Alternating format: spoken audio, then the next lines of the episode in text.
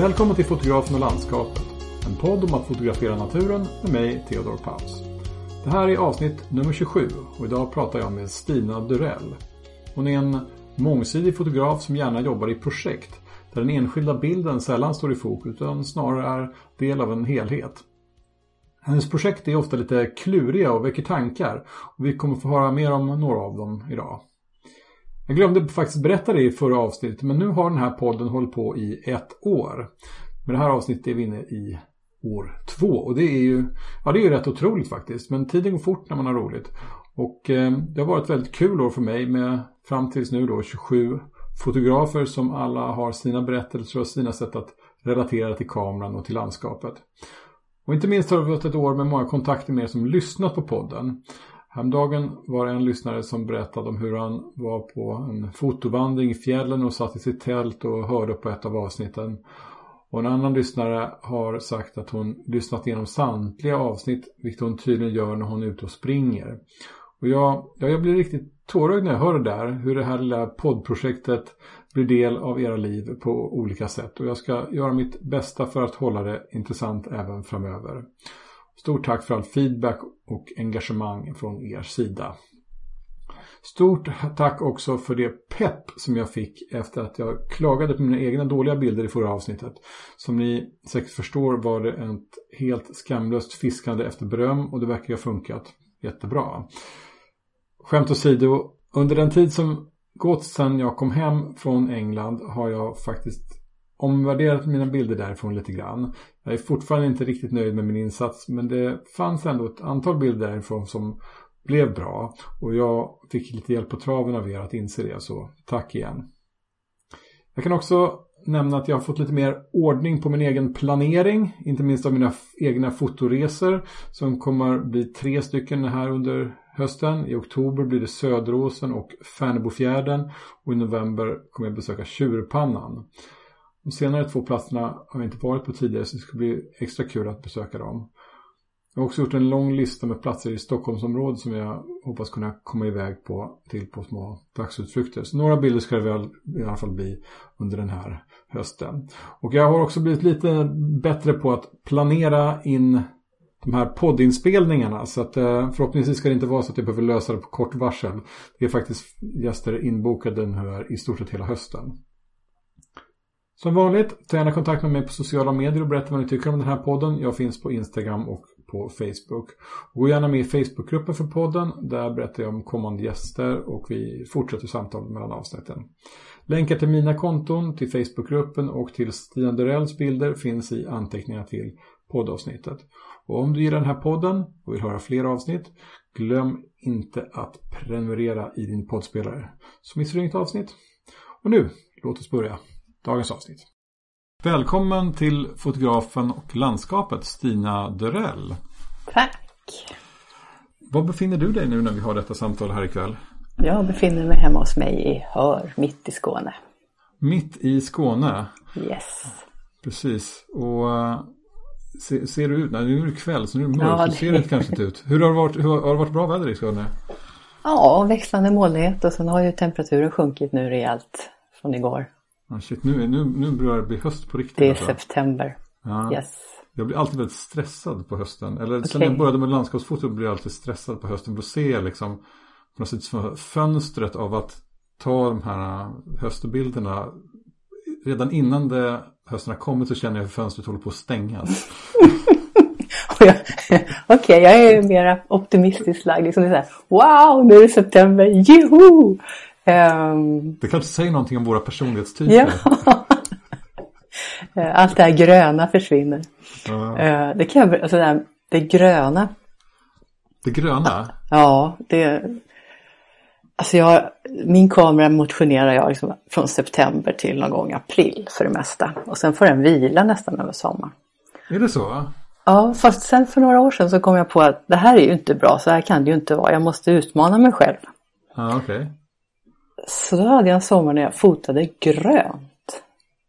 Jag tog massor med bilder liksom bara på grönt. För, som, för att jag började lära mig se strukturerna och nyanserna och det var nyttigt. Eh, även om jag inte älskar grönt nu heller. Men det, det, jag är inte lika eh, avvokt inställd till sommaren. Vad heter längre. den där? Det var, en, det var en, en, svensk sångerska som hade den här eh, med ögon känsliga för grönt, hette hennes mm. skiva. Ah, ja. Det här borde jag kunna. Men ja, ja det är en väldigt ja, fin sång i alla fall. Mm. Um, Ja, men, men det tycker jag i och för sig verkar vara ett fantastiskt sätt att ta sig an sina utmaningar. Att man liksom bestämmer sig för att det här tycker jag är jättesvårt. Nu ska jag göra mm. bara det. Yep. Ja. Men blev det några bra bilder då? Blev du ja, ja. Oh ja, alltså jag... Alltså det är så, alltså jag är ju... Mina bilder är nästan alltid i kontext. Det är liksom inte en bild som är bra eller dålig. Utan nästan alltid så tänker jag i serier. Just tänker det. i att de ska hänga ihop, de ska berätta någonting. Och tillsammans så, så bildar de, liksom, säger de någonting. Sen är det klart att det är kul om det är en bild som står för sig själv också. Men det, de här gröna bilderna var kanske mera uh, funkar i ett sammanhang. Just det. Du, du, du liksom gör liksom um LP-skivor, inte singlar. Mm. ja, för, för, för att fortsätta den musikaliska analogin här. ja. ja, men det är ja. helt rätt. Ja. Och vi kommer säkert komma in på det, för du har ju liksom ett mm. antal olika projekt. Yeah. Det som jag tycker var väldigt roligt när, du, när vi hade lite dialog här innan. Om, du berättade om jag fick också få, få kika på det. Liksom. Så att vi, det här blir en cliffhanger. Du ska få berätta mer sen. Yay. men, ehm, men eh, i... Eh, vi måste börja som vi alltid börjar. Eh, mm. Som, som handlar lite grann om hur började naturfoto för dig? Mm. Eh, alltså natur började på pappas axlar när jag var liten. Vi var ute i skogen. Och sen upptäckte jag fältbiologerna så där tillbringade jag tonåren. Eh, och sen blev jag anställd på, som distriktsinstruktör i Fältbiologerna. Och den där första lönen den blev till en praktika med tre objektiv. En systemkamera. Okay. Men då, då, då, låter det som att nu, nu befinner vi oss någonstans i Stockholm va? Är det inte så? Ja, i Södertälje. Du i Stockholm? I Södertälje. Mm, ja. Ja. Eh, men då låter det som att liksom om det var den första lönen så var det kanske också så att det här med foto var någonting som hade funnits i huvudet i alla fall ännu tidigare. Ja, och jag hade ju, jag hade någon liten enkel kamera. Och jag hade mamma sån här bälgkamera med 6x6 film som jag fotade med. Som där som är däckad fram? Mm, precis, man fäller den väldigt otroligt snyggt. Jag är väldigt, ja. jag är väldigt fascinerad av allting som är gammalt. Jag har en massa fickur och liksom så här. Men, mm. men eh, jag har ingen sån kamera. Nej, den, där, den, den var snygg. I läder. Och sen så var den ganska platt och så fällde man liksom ut den här lilla bälgen. Så. Ja, gud. Mm. Otroligt coolt. ja.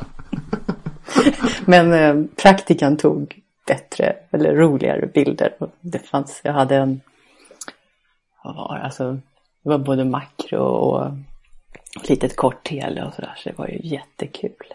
Just det.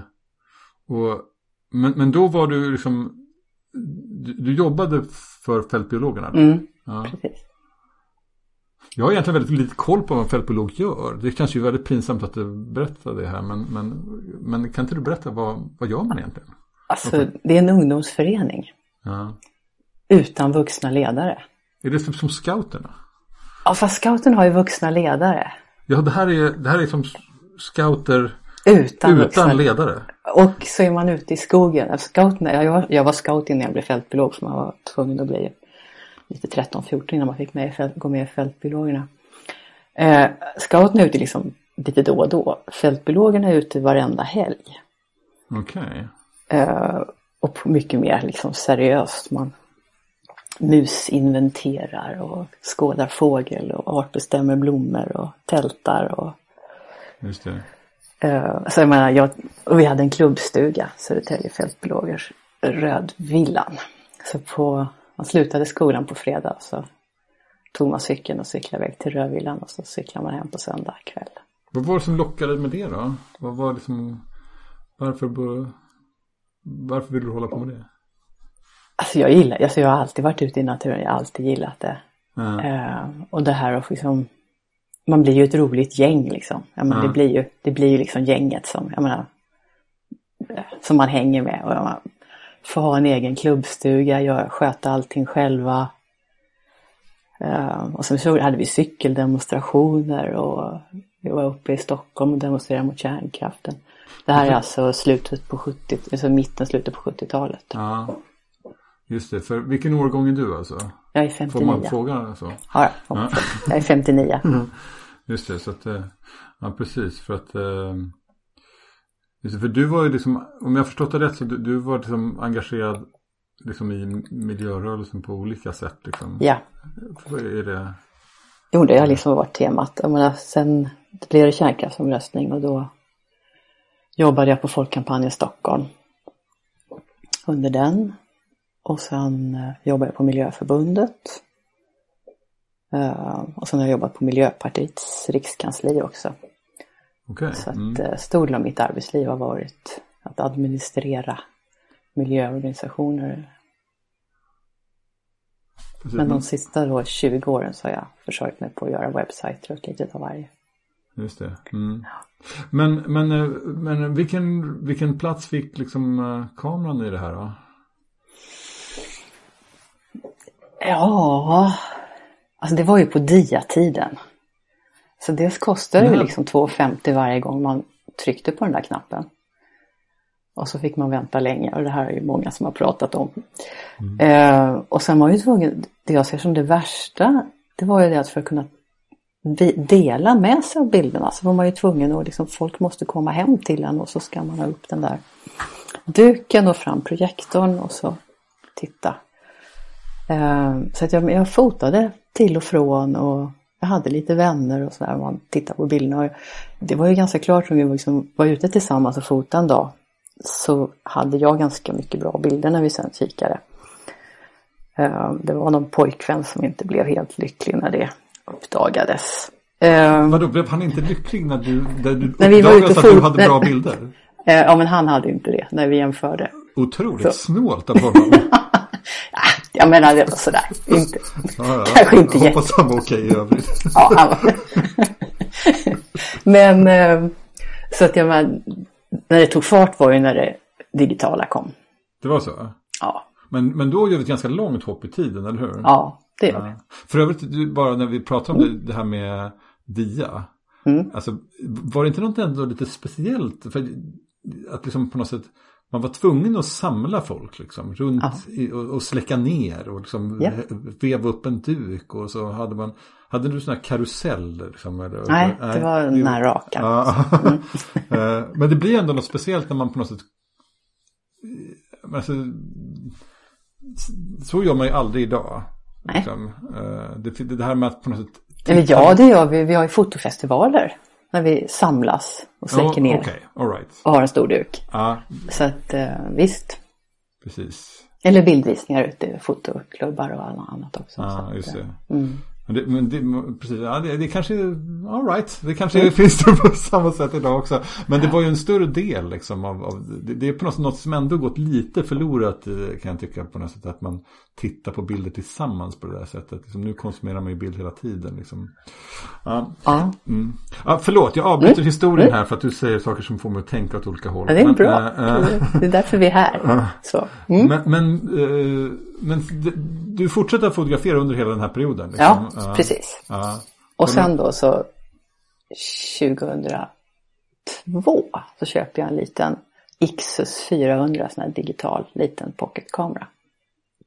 Just det. De, alltså jag är så dålig på vad alla heter och alla mm. nummer på kameror och sådär. Så att alla, jag försöker ofta låtsas om det regnar. När folk säger att jag känner den här kameran så, så låter det bara mm, mm, mm. mm. Men, men, men den där, den där vet jag faktiskt hur de ser ut. Mm. Var det en sån som var i silver? Ja, Den var väl ofta i precis. silver, var det inte det? Ja, precis. Ja.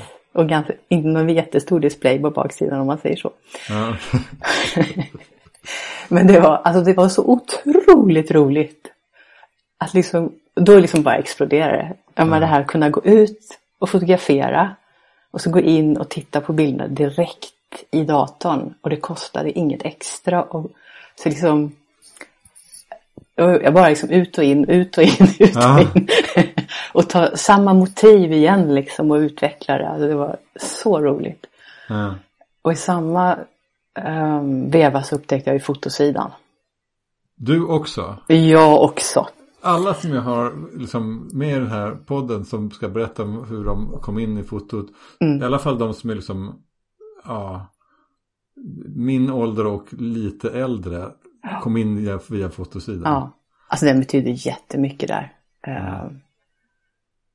Uh, och så jag, så jag började liksom lägga upp bilder och så hittar man andra som tänkte bild som jag. Som, man, som vi blev något gäng på någon 20-30 personer där som de man liksom kritiserar varandras bilder och det var, var otroligt kreativt. Mm. Uh, och sen var det några som var med i Naturfotograferna. Upptäckte, alltså jag har ingen aning om vad det var för förening men så här. Och så tyckte de att jag skulle söka. Mm. Uh, uh, vadå liksom? Och så, ja, så gjorde jag det. Uh, så att jag och Tove Viand kom in 2005. Och då var vi alltså de två första kvinnorna i en förening med 80 herrar. Precis, det var, det var liksom mm. en herrklubb för människor som hade en kamera. Ja, för människor som var duktiga på att ta naturbilder. Nej, det, var otroligt oförskämt sagt av mig. Ja, tycker jag verkligen. Du får skämmas. men, men, men det, det, det, var väl ändå någonting ganska speciellt liksom. Men, men, men jag menar, foto är ju inte någonting som är manligt per definition. Men att det var så dominerat att liksom, eh, bara ja. var män som var med i den där föreningen. Var inte det lite märkligt? Hur kände du det? Alltså, det är, alltså jag, jag, tycker inte det är så märkligt. Alltså det, det är tekniskt. Ja. Eh, och det är ut i skogen. Eh, det har lite grann lite med jakt. Alltså det, var, det var ju mycket eh, fågel och djurbilder. Just det. Mm. Eh, och så är det lite nördigt. Jag menar, män är bättre på att snöa in och vara nördiga. Vi kvinnor är mera all, liksom, där med många mm. bollar i luften. Mm. Så att jag har inte några problem med att det, att det är en majoritet nördiga grabbar. Ja. så, um, jag är inte alls, alltså jag beundrar alltså det här gänget som verkligen lägger ner hela sin själ. Uh, jag gör inte det.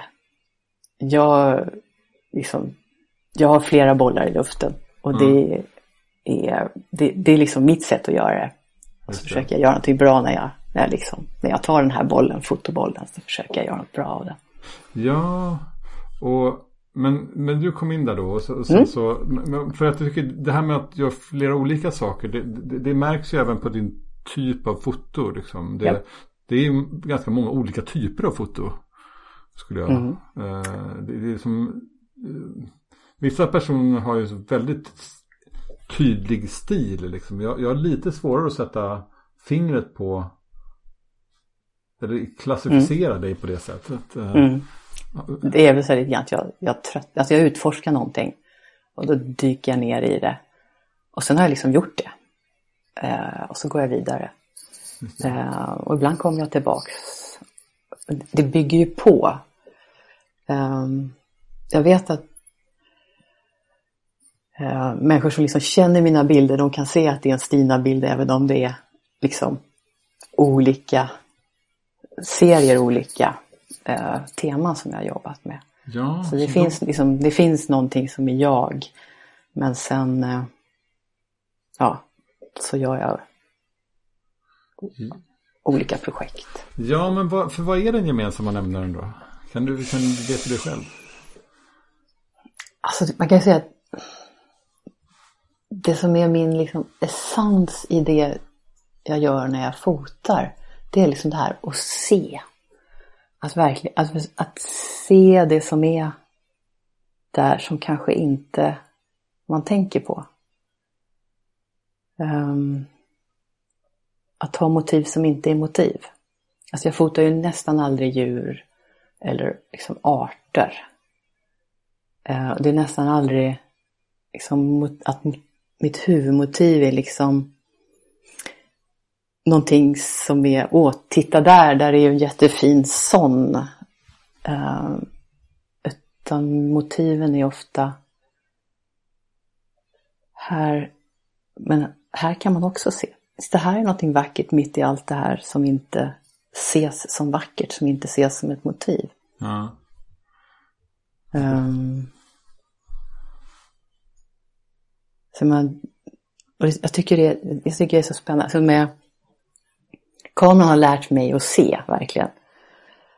Um, alltså det går ju, alltså när jag liksom slår på mitt, jag behöver inte ha kameran i närheten, men jag slår på liksom det här seendet. Så finns det ju fantastiskt vackra saker precis överallt. Ja. Um, så man, det händer inte allt för sällan man går på någon konstutställning och så här. Och det är liksom golvet som faktiskt är det jag tycker är vackrast. så, eh, alltså det, ja, och se. Just det.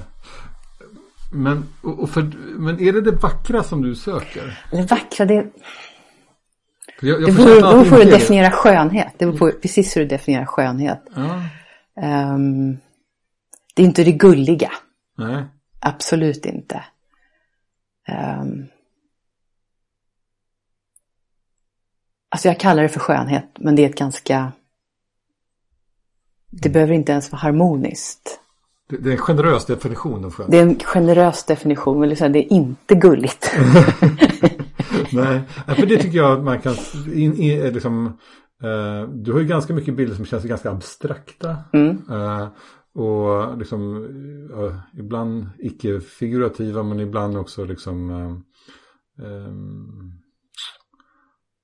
ja, lite hårda kan, kan, kan det vara också. Men men jag tänkte, du har ju ett projekt som, som eh, heter Rutnät Hör. Mm. Eh, som är väl ett eh, i hög grad också aktivt projekt. Ja. Som på något sätt lite grann kanske kommer in på den här skönhetsfrågan. Kan du berätta vad det är för någonting? Mm. Eh, det var någon gång här för knappt ett år sedan.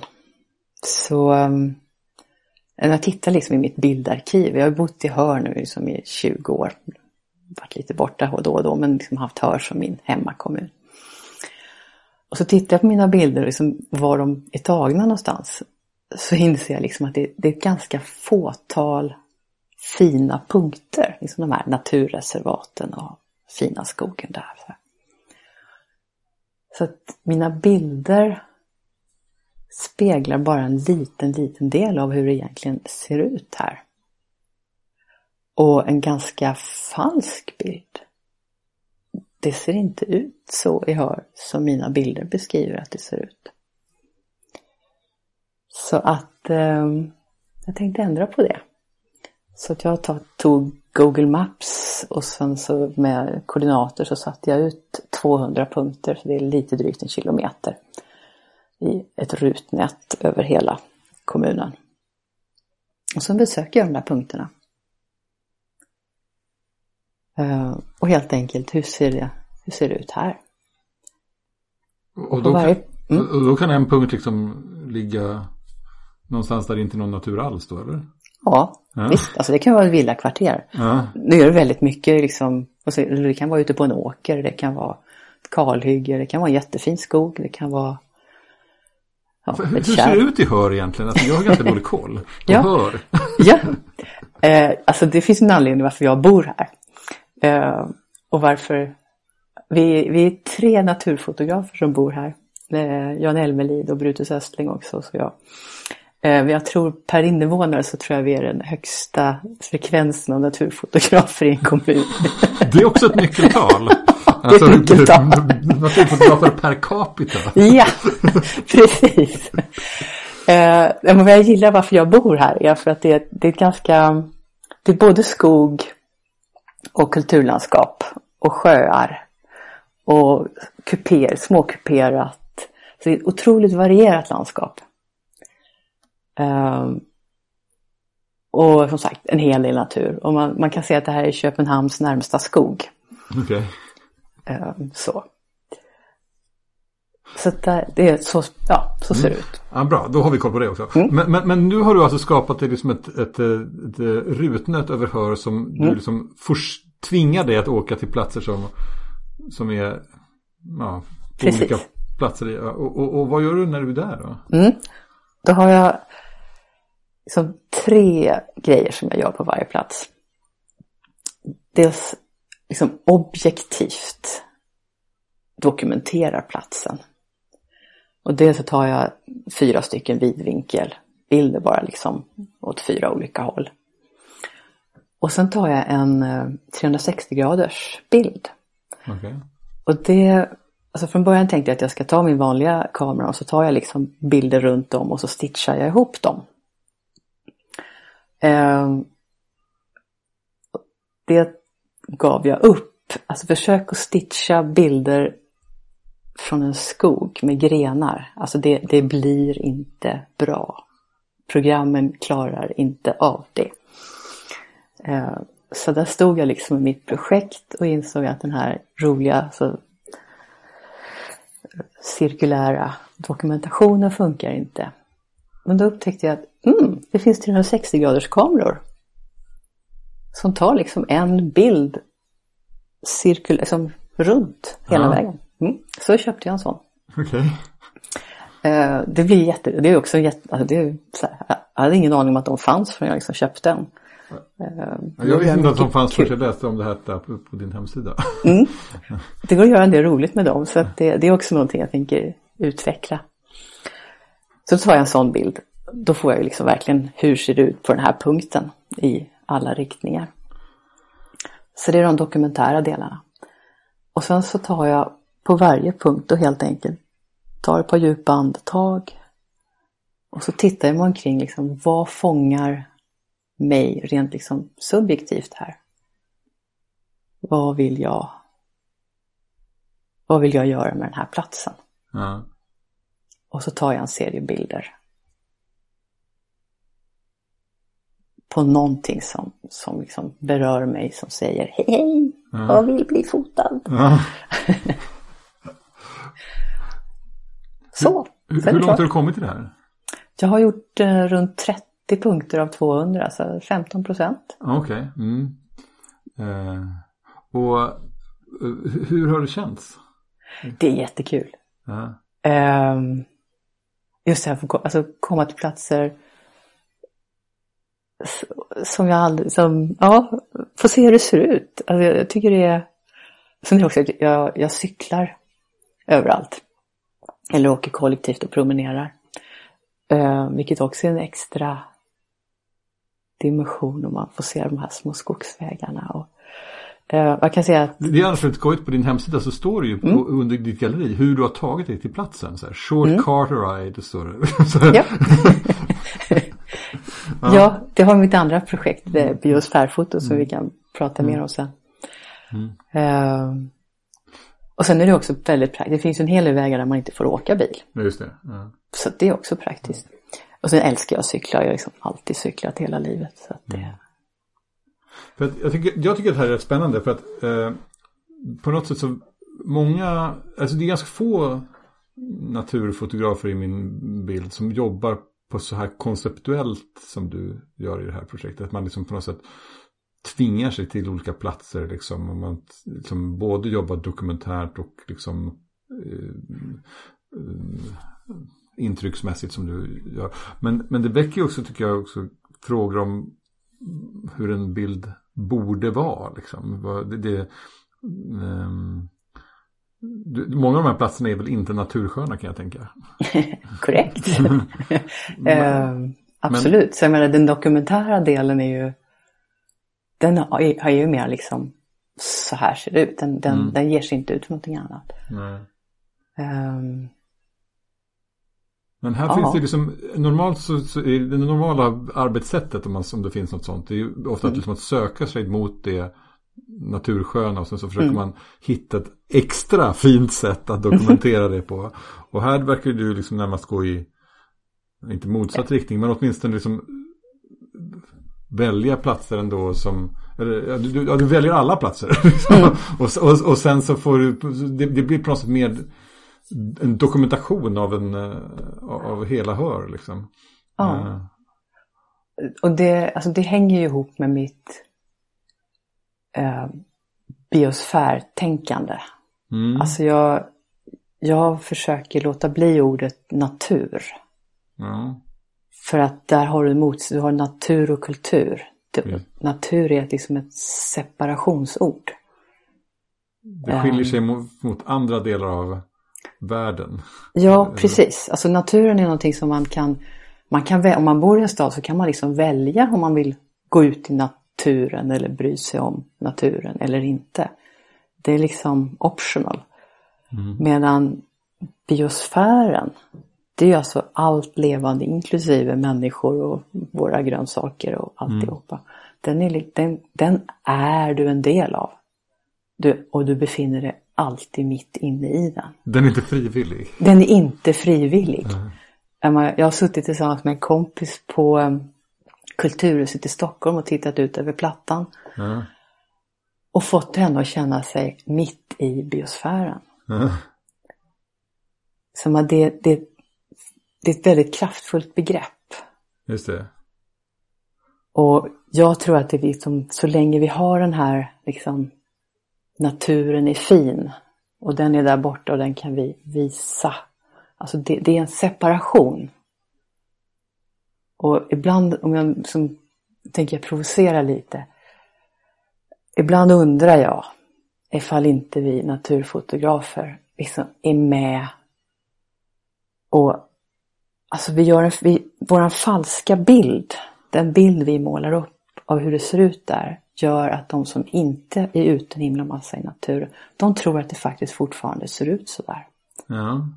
Så att vi behöver faktiskt, alltså, det ser ju fint ut, alltså, alla fåglarna och alla djuren och alltihop är fantastiskt och alltså, och det är det ju inte. Um, så att, ja. Samtidigt så behöver vi visa det så att jag... Hur menar alltså, det är det inte? Nej det är det ju inte. Det är, vi, vi är ju väldigt, väldigt, precis som du sa, specifika i vad vi visar för någonting. Ja, ja, det är inte representativt. Nej. nej. nej. Fast vi, om, du, om du sitter och tittar på tv eller liksom ser alla de här bilderna och filmerna så, så tror du att det, är, att det är det som är representativt för naturen. Uh. Så du invaggas liksom i en falsk trygghet. Ja. Så är din tanke här med det här äh, rutnetör liksom att ge en mer representativ bild? Ja. ja. Så här ser det ut. Ja. Det här är liksom hur det, hur det är i hör. Ja. Och sen kan vi därifrån, jag menar sen om man blir upprörd eller om man tycker det är fantastiskt eller alltså, men att vi har en sann bild som vi kan utgå från när vi samtalar om hur vill vi ha det i hör. Just det. Så att, men det låter om jag, på dig då när du beskriver det här som att det liksom finns någon form av den, den här politiska aktivismen eller liksom politiska engagemanget som fanns, väl alltid har funnits med dig, mm. också ja. kommit till uttryck i det här. Det, det, det, är inte bara en bild, det är, något, det är en bild med ett syfte liksom. Ja, det, definitivt.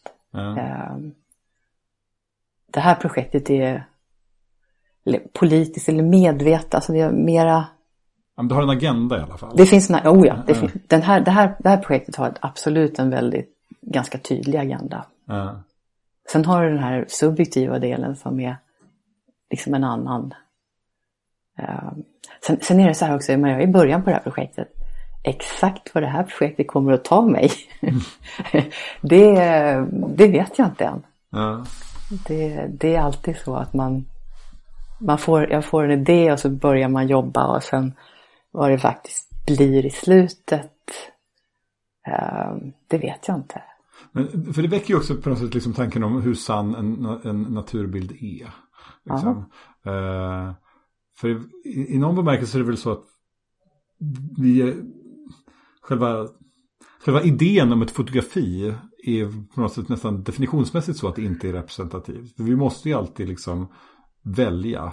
Mm -hmm. Vi måste välja vart vi riktar kameran. Vi måste välja liksom i vilket, sam, till, vid vilket tillfälle vi fotograferar det där motivet. Och liksom, eh, så eh, kan man ens liksom ta på sig någon slags, kan, är det rimligt att ha ambitionen att på något sätt skildra verkligheten? alltså det beror på vad man vill med sina bilder. Ja, men och med det... just den bildserien. Ja, och, och... Alltså det jag gör med, med Rutnätör det är liksom nästan att försöka göra det så, mycket, så långt det går. Ja, du, du liksom försöker göra det så sant som det är möjligt. Ja, ja. Det, kan man nog. Alltså den dokumentära delen av Rutnätör är liksom så, så, så sann jag kan tänka mig att jag skulle kunna göra en dokumentation av hur det egentligen ser ut här. Eh, så att ja, eh, bra att du är. Jag, jag blir mer och mer medveten om vad det är för projekt jag håller på med. Tack ja, eller så mycket. Hur? Vi kan utforma detta tillsammans. ja. Eh, för, för då antar jag att det är noll efterbehandling av dessa bilder. Ja, så man måste ju alltid liksom, jag menar Eller alla kom... hur? Du fuskar lite grann du med. Det fuskar jag inte. Jag menar, jag alla bilder som kommer ut i kameran måste, sen måste man ställa hur, jag försöker naturligtvis efterleva, liksom, hur upplevde jag det? Ja. Um, Sen kommer jag, sen, på en sån här 360 graders kamera så syns ju alltid kameran. Och, är det så? Man själv, eller liksom det som, ja, får, stativet får... syns alltid. Jaha. Mm. Fotar den liksom även... Ja, ja fotar. Alltså, den, den fotar. Den fotar vidvinkligt även neråt liksom? Ja, fotar ja. precis överallt. Det är jätteskumt. Så. Okej. Okay. Alright. Mm. Ja, men, eh, eh, ja, men spännande. Mm. Vad, har det här utvecklats över tid, liksom det här projektet också? Alltså tekniskt så utvecklades det och sen eh, lite grann hur jag, den här subjektiva delen blir också mer spännande med tiden. Ja. Um, men som sagt, jag har bara gjort 15 procent än. Så att, um, och sen hur man ska presentera det kommer ju också bli väldigt spännande. Ja, har du en ehm, tanke om det redan nu? Var det, alltså det blir ju någon sorts webbsajt. Det vore jättekul att göra en fysisk utställning. Ja. Uh, och sen VR, alltså förmodligen så kan man göra någon sorts VR-grej. VR, alltså virtual reality-glasögon. Sådär, det vore spännande. Ja, det känns som ett sånt projekt mm. som, där man kan experimentera med formen också mm. för hur det ska göras ut. Liksom. Ja. Eh, att man inte behöver göra en traditionell utställning med liksom svarta ramar och eh, liksom vita passepartouter. Eh, nej. Eh. Det brukar jag inte göra. Nej, nej, nej. Så kanske det är. Eller ibland gör jag det också. Men, ja. Mm. jag, tycker, jag tycker det är jättespännande att jobba med formen och hur, hur olika idéer gestaltas i rummet när jag gör utställningar. Ja. Det lägger jag ner mycket tankemöda på. Ja, vilken del är det roligaste liksom? Är det att liksom hitta på konceptet, att liksom genomföra det eller liksom att visa upp det efteråt? Ja, ja, ja. Alla de tre högst upp. ja.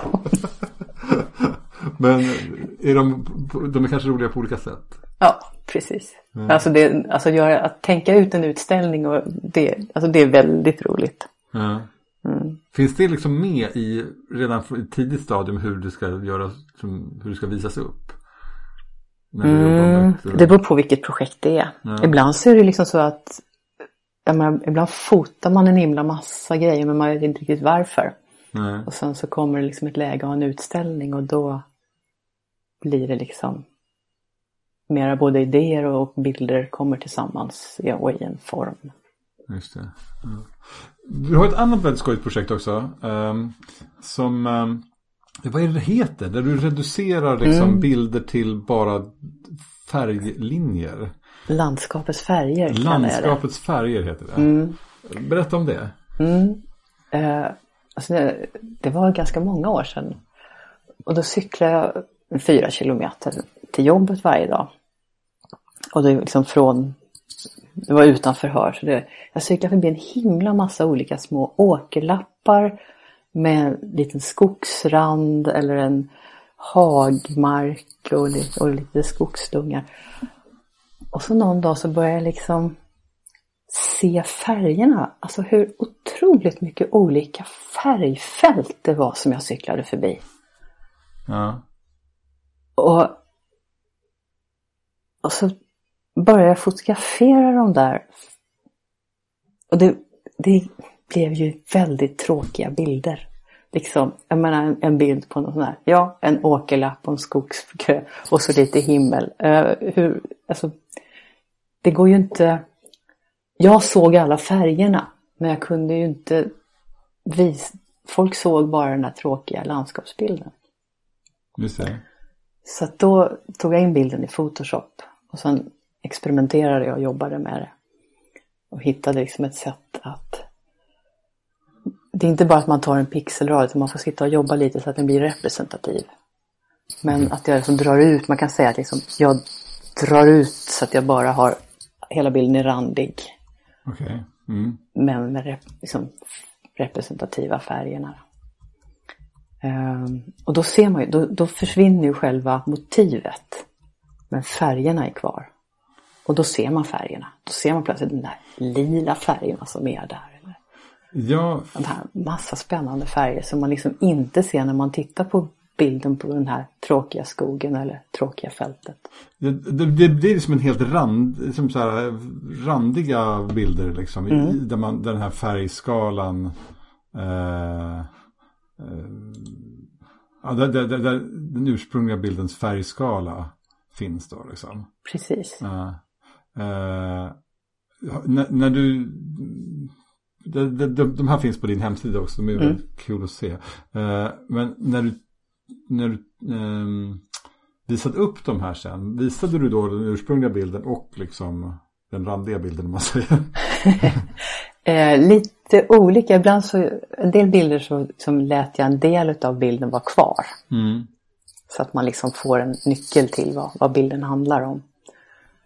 Um, så de flesta av de bilderna, liksom, när jag liksom gjort någon utställning så, så finns det med liksom en, liten, en liten nyckel i, i bilden på något sätt. Ah, Okej, okay. det fanns lite grann ledtråd till bilden. Precis. Ah. Det står liksom en ko mitt i det där randiga då med lite blommor vid fötterna så kan man förstå att aha. Ah. det... Var det den randiga bilden eller den ursprungliga bilden som, som betydde mest för dig? Alltså jag tycker, för mig också så ser jag färgerna bättre när jag gör de randiga bilderna. Eh, jag tyckte det var jättespännande. Alltså när jag, för mig blev det också en, liksom en upplevelse när jag satt och jobbade med bilden och, och liksom Wow, så här mycket lila färger eller alla de här häftiga orangea som låg här. Och gud, vad mycket mm, snygga gula det var här. Uh, mm. Om, du, det, han, Andreas Gursky har ju gjort en bild som väl någon gång såldes världens dyraste bild som heter Rein 2. Vet du vilken jag pratar om? Nej, det vet jag äh, inte. Det är liksom, man ska berätta, vilken, vet du vilken som är världens dyraste bild? Och så, så, så, så, visar de upp den där bilden liksom. Och den är supertråkig. Liksom, det, det, det, det, är en, en bild av, ja, det blir jättefånigt eftersom du inte har sett den. Men jag kan länka till den i, i mm. anteckningarna till det här mm. poddavsnittet.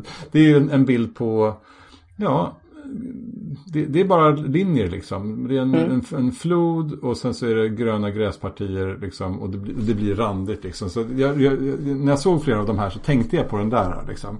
Mm. Uh, men den är ju inte, där har man inte jobbat på det, alls det sättet liksom. Men, men det blir också på något sätt en, ibland så kan ju liksom även de här väldigt reducerade bilderna som, eh, bara är liksom linjer bli väldigt snygga också. Liksom jag tycker att mm. flera av de bilderna som du har gjort blir ju en väldigt cool färgskala. Liksom. Mm. Eh, där på något sätt eh, linjerna, ja, det blir liksom som ett mönster nästan som en eh,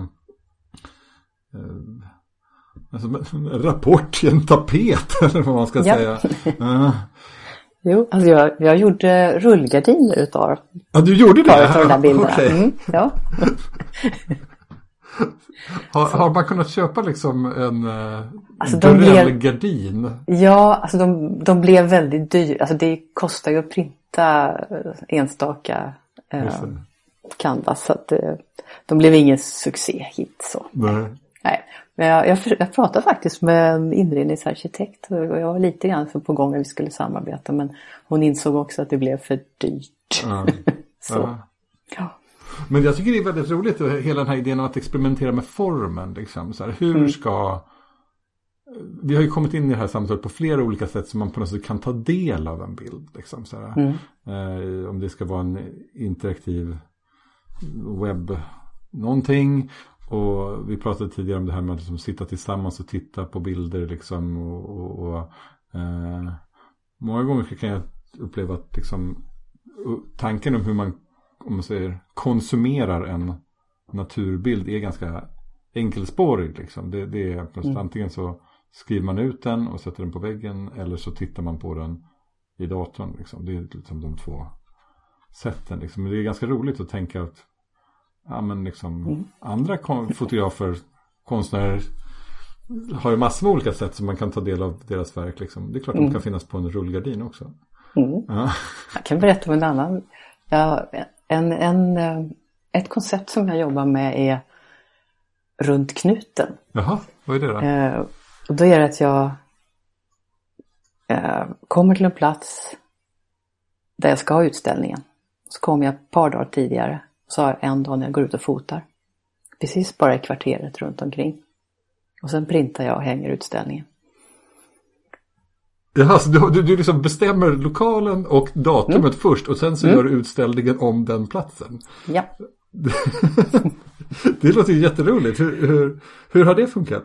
Det har funkat jättebra. Och det, det som är så himla roligt är att folk kommer liksom och ser utställningen och så, liksom så här, åh vilken häftig bild, var har du tagit den? Ja, det är så här 20 meter däråt. Så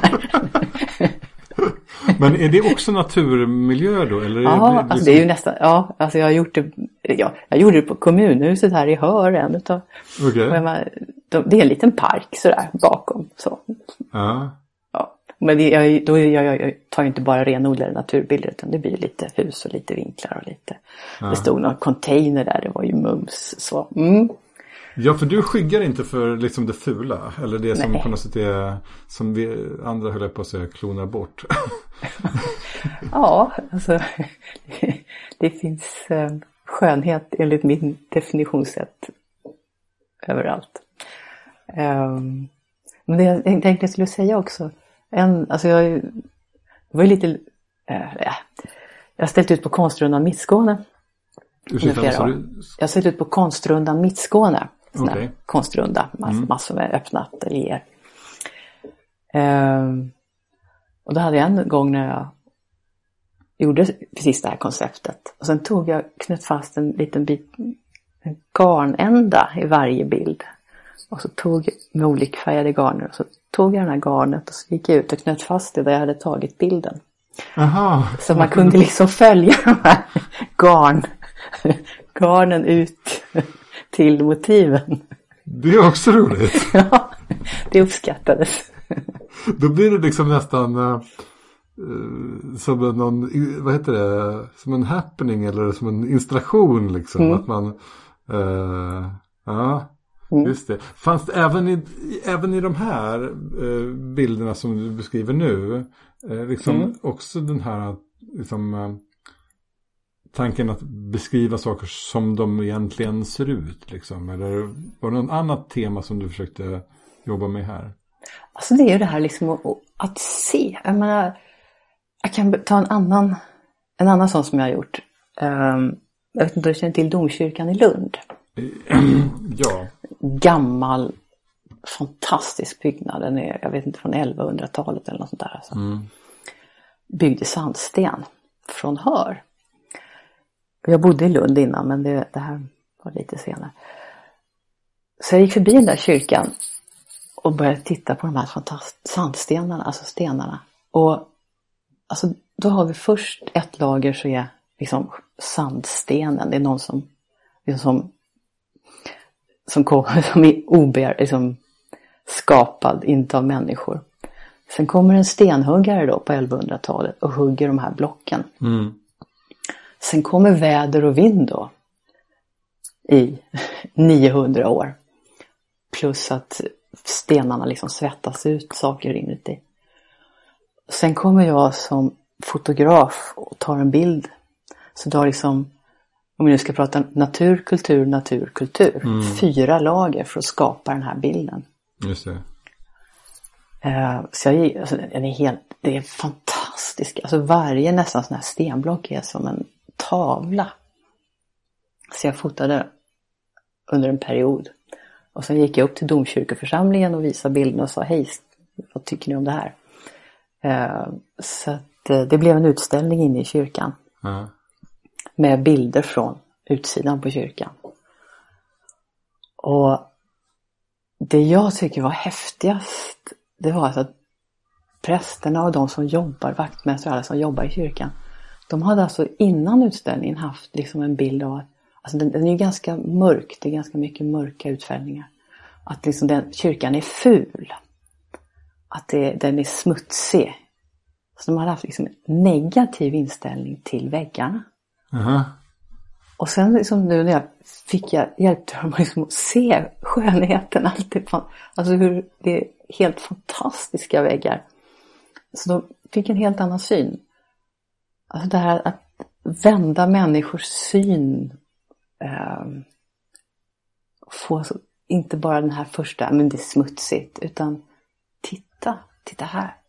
Här är fantastiska bilder. Just det. Strukturer, mönster. Alltså det är se. Ja. Vi, vi har flera fotografer som har pratat med i den här podden som har på något du, du, du adresserar frågan lite mer rakt på. Men, men just det här temat liksom, liksom att det man ser med kameran är någonting lite, det blir något lite annorlunda. Det kan liksom påverka hur man ser när man inte har kameran. Mm. Eh, Um, ja, bredvid mig här vid mitt skrivbord så finns Patrik Larssons bok Det, det knappt märkbara. Där liksom han på ett sätt har lite grann samma mm. approach. Att liksom han fotograferar massa ganska oansenliga miljöer. Liksom, um, ris i ett kärr och liksom mm lite granrusker. Och liksom det, yeah. det är liksom på något sätt inte de här dramatiska liksom, eh, platserna som man kanske hade sökt sig till för att hitta någon, en fantastisk bild. Liksom. Och du yeah. verkar ju på ett sätt jobba på ett liknande sätt. Liksom, eh, som, kanske ännu mer strukturerat i ditt fall. Liksom, att verkligen du lägger restriktioner på dig som det här rutnät hör eller också det här nära in på knuten är också att du jobbar med en restriktion. Liksom. Mm. Så, och sen så och sen så på något sätt hittar du någonting som, som man ska kunna se där som man kanske inte hade sett annars. Liksom. Ja, det är definitivt en av mina liksom, grundläggande idéer som jag liksom återkommer till hela tiden. Det är och som ger mig så himla mycket. Jag menar, jag har ju aldrig tråkigt. Jag menar, vilken, liksom man råkar stå på någon busshållplats och måste vänta jättelänge på bussen. Någon blåsig november ute på en åker. Jag, menar, jag kan ju gå på en konstutställning där. Ja. Det är liksom en fantastisk konstutställning. Överallt liksom. Det verkar vara ett sätt att leva också. Att liksom se på det sättet hela tiden. Ja, det är i alla fall liksom en möjlighet som jag har och som jag gärna, liksom, alltså det är en fantastisk planet. Det är ett fantastiskt universum. eh, liksom, eh, som är här. Ja. Men har, är du, har du liksom alltid med dig kamera? Eller liksom du, det här kan man ju se kanske tänker jag, utan kamera också. Men, men, mm. men, men eh, har du med dig kameran? Liksom? Alltså jag har haft långa perioder när jag alltid haft liksom, kameran i väskan. Uh, för närvarande har jag inte det. Mm. Alltså jag har ju alltid mobilen med. Um, så de här snabba bilderna går ju. Men uh, under lång, många, många år så har jag kört, alltid haft kameran med. Just det. Vad tror du är som, ja, du kanske svarade på frågan på det jag tänkte först fråga. Vad är, tror du är som gjort att du liksom har blivit så fascinerad av den idén? Att liksom se, liksom visa upp det som man inte är uppenbart från, från första början. Alltså det är inte en idé riktigt. Uh, det är att jag, att jag ser det. Alltså, det är ett... Um, när man väl har upptäckt det liksom, så vill man ju inte låta bli. typ. det är mera en, uh, liksom, en, vad heter det, urge eller itch.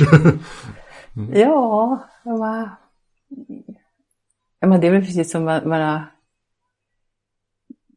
folk upp, liksom, man upptäcker någonting man tycker om.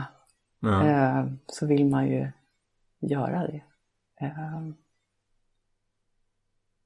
Precis. Ja. Du, jag, jag, känner att jag kan prata hur länge som helst med dig här om alla dessa mm. fantastiska saker. Men, men, men vi, vi, vi, måste också börja så sakteliga närma oss eh, eh, slutet. Jag har lite frågor som jag fortfarande också vill ta upp mm. med dig. Och mm. en är ju detta med vilka tips du har till andra fotografer. Liksom, hur kan man bli en bättre fotograf?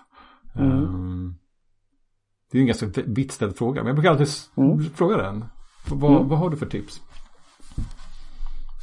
Alltså om jag tar utifrån liksom, mitt sätt att tänka så blir det ju Alltså varför fotograferar man?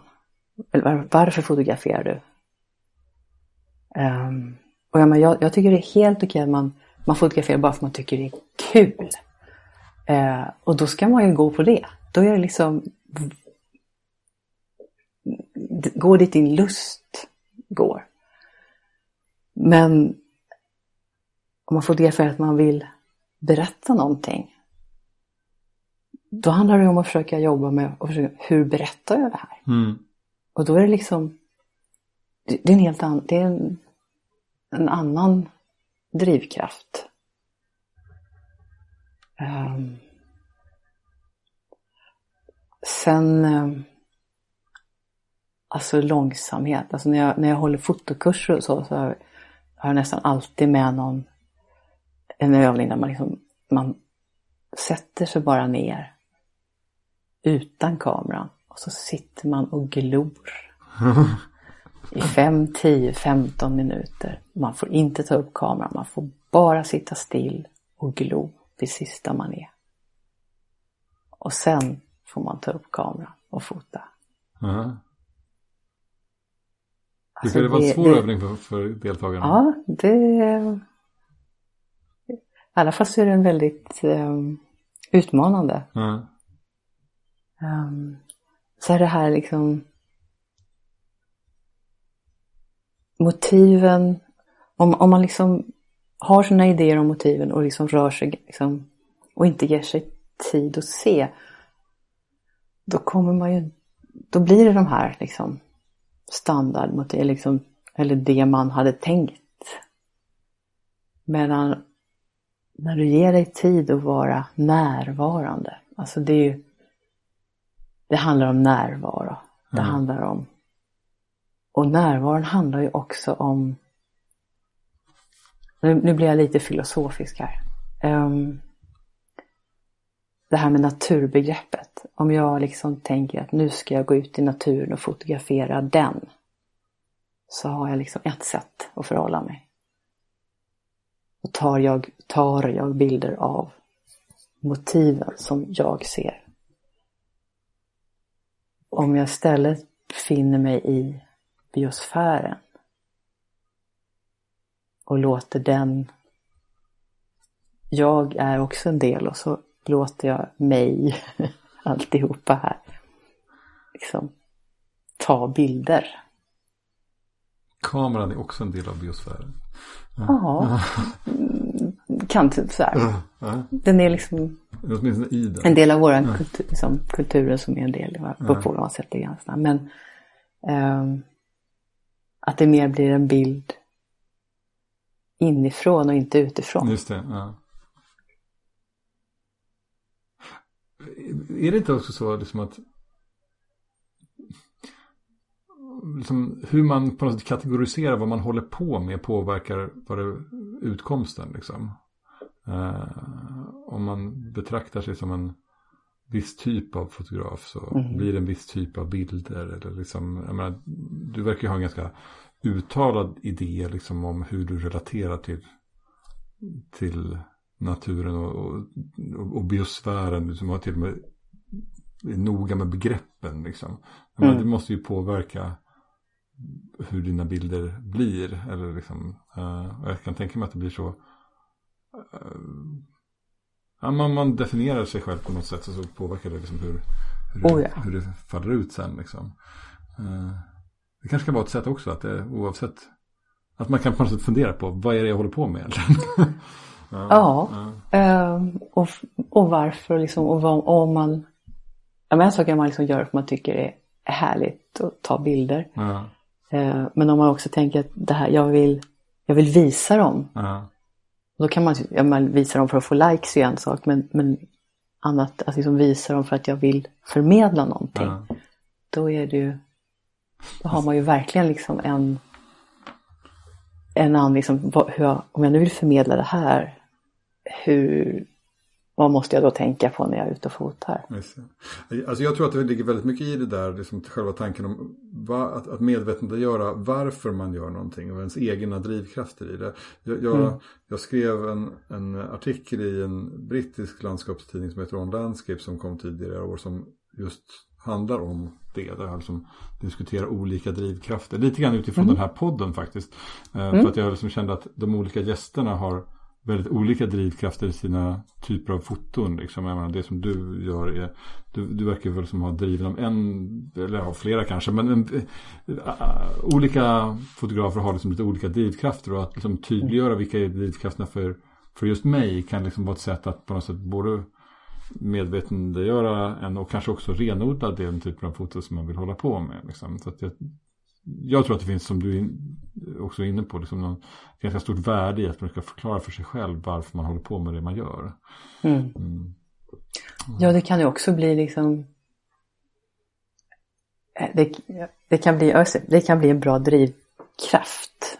Ehm, att man vet varför man gör, varför man gör det. Sen, ja men jag är ju bara ute och fotar bara för att liksom, lullar omkring med kameran i skogen och har kul. Eh, utan några som helst tankar på Ja. ditten eller datten. Ja, Precis, och det är också så- en drivkraft liksom. Att på något sätt, liksom, det är processen att få vara där i skogen. Det är nästan en förvändning för att komma ut liksom. Mm. Det, det, det kan också vara en drivkraft liksom. Absolut. Ja, men du, och sista frågan här då. Vilka andra fotografer tror du skulle vara spännande att höra i denna podd framöver? Mm. Och då har jag eh, klurat lite. Alltså jag känner ganska mycket norska naturfotografer. Oj då. Och jag tycker de är spännande. Eh, Det är lite skillnad på... Eller, ehm, så du har Magnus Reneflot. Tycker jag är väldigt spännande. Han har mycket tankar. Uh, Ursi Harberg. ursäkta, vad heter den? Ursi. Urs, ja. Ursi Harberg. Ja. Fantastisk naturfotograf. Um, och så har du Paul Hermansen, Rolf Stöa, Bård Löken. Och alla de här är enorm... De är norrmän. Ja. Um, De faller tyvärr lite grann utanför konceptet av podden. Ja. Att vi bara har svenska fotografer med. Men, det? men vi får Varför det? länka till dem allihop. ja. Att, Varför vill du bara ha svenska? Då går ju att förstå vad de säger. jo, jo, absolut. Och, och, nej, men man måste, jag har jobbat med restriktioner också. Liksom. Mm. Jag, Ja, det är bra. även inom ramen för den här podden. Och, och, och, och tanken har ju varit lite grann att liksom på något sätt ge, ja, men fördjupa liksom tanken om ja, naturfoto i Sverige. Liksom. Mm. Ehm, så att, eh, jag stöter ju ofta på fotografer som, inte minst från andra länder, som jag tänker så här, det vore jätteroligt att höra hur de tänker. Men så tänker jag, ja, det får jag ta i en annan podd, ett annan, någon annan gång. Okej. men, men, men, men så, att, så att jag tror inte att de av det skälet kommer att vara med. Men, men det vore, jag ska absolut länka till dem i Mhm. eh, jag, jag känner inte till dem där alls. Kan, kan du inte bara he- helt kort berätta varför de är spännande? Eller vad är det typ av bilder som de tar som gör dem spännande? Mm. Eh, alltså Ursi och, och hennes man Erländer. Eh, de är alltså ute. Tältar på de mest märkliga platser och, och fotar natur. Liksom. Det är heltids. Och ja, de är väldigt bra. både- Alltså, fantastiska fotografer båda två. Alltså det, det är liksom nordisk natur som är Mm. deras starka sida. Eh, Magnus Reneflot är mm, galen. Galen? Eh, underbar människa. Eh, han, det är liksom kortraced kallas närnatur på. eh, han fotar ganska som jag, jag, jag gillar hans bilder. Aha. Det handlar också om att se eh, och hitta saker i närheten. Paul Hermansson har de här fantastiskt sparsmakade fantastiska landskap. Och, alltså det, är, det är verkligen konst. Um, mycket nordligt uh, med hans bilder. Uh, Rolf Stö har spännande uh, spännande kompositioner på enkla motiv. Eh, och Bårdlöken Alltså det jag beundrar med honom det är hans kaosbilder. Han är en sån där som, som kan stå liksom med stativet i en, in i en buske en, två timmar och så kommer ut den mest fantastiska bilder. Allting är precis som det ska. Okay. Jag är inte alls sån. Jag är stativallergiker. Um, du jobbar inte med stativ? Nästan aldrig. Uh-huh. Det är inte. Jag, jag, vill, jag vill kunna vrida och vända och, och jobba liksom uh-huh. dynamiskt på ett annat sätt. Uh-huh. Ja. ja. spännande, de där ska jag absolut kolla upp och, mm. Eh, och, och um, också länka till som sagt då. Um, du, eh, då börjar vi, behöver vi lite grann runda av här. Ehm, mm. Stort tack för att du var med och berättade om dina eh, projekt och dina filosofier och tankar kring eh, fotograferande och ditt, dina egna sätt att relatera till biosfären och mm. naturen. yes, kul att vara med. Det är jätteroligt att prata. Jag har lyssnat på en del av poddarna också. Det, det är spännande. Man får liksom det är en del människor jag känner och det har liksom gett mig en fördjupad bild av vad det, vad det är de gör och varför de gör det. Så det är jättekul jobb du gör, verkligen tack. Ja. ja det var just, det är lite grann tanken att liksom ge tillfälle att liksom få uh, prata till punkter, eller i alla fall prata längre än vanligtvis. Mm. Bra, nej men tack så mycket för ikväll. Tack.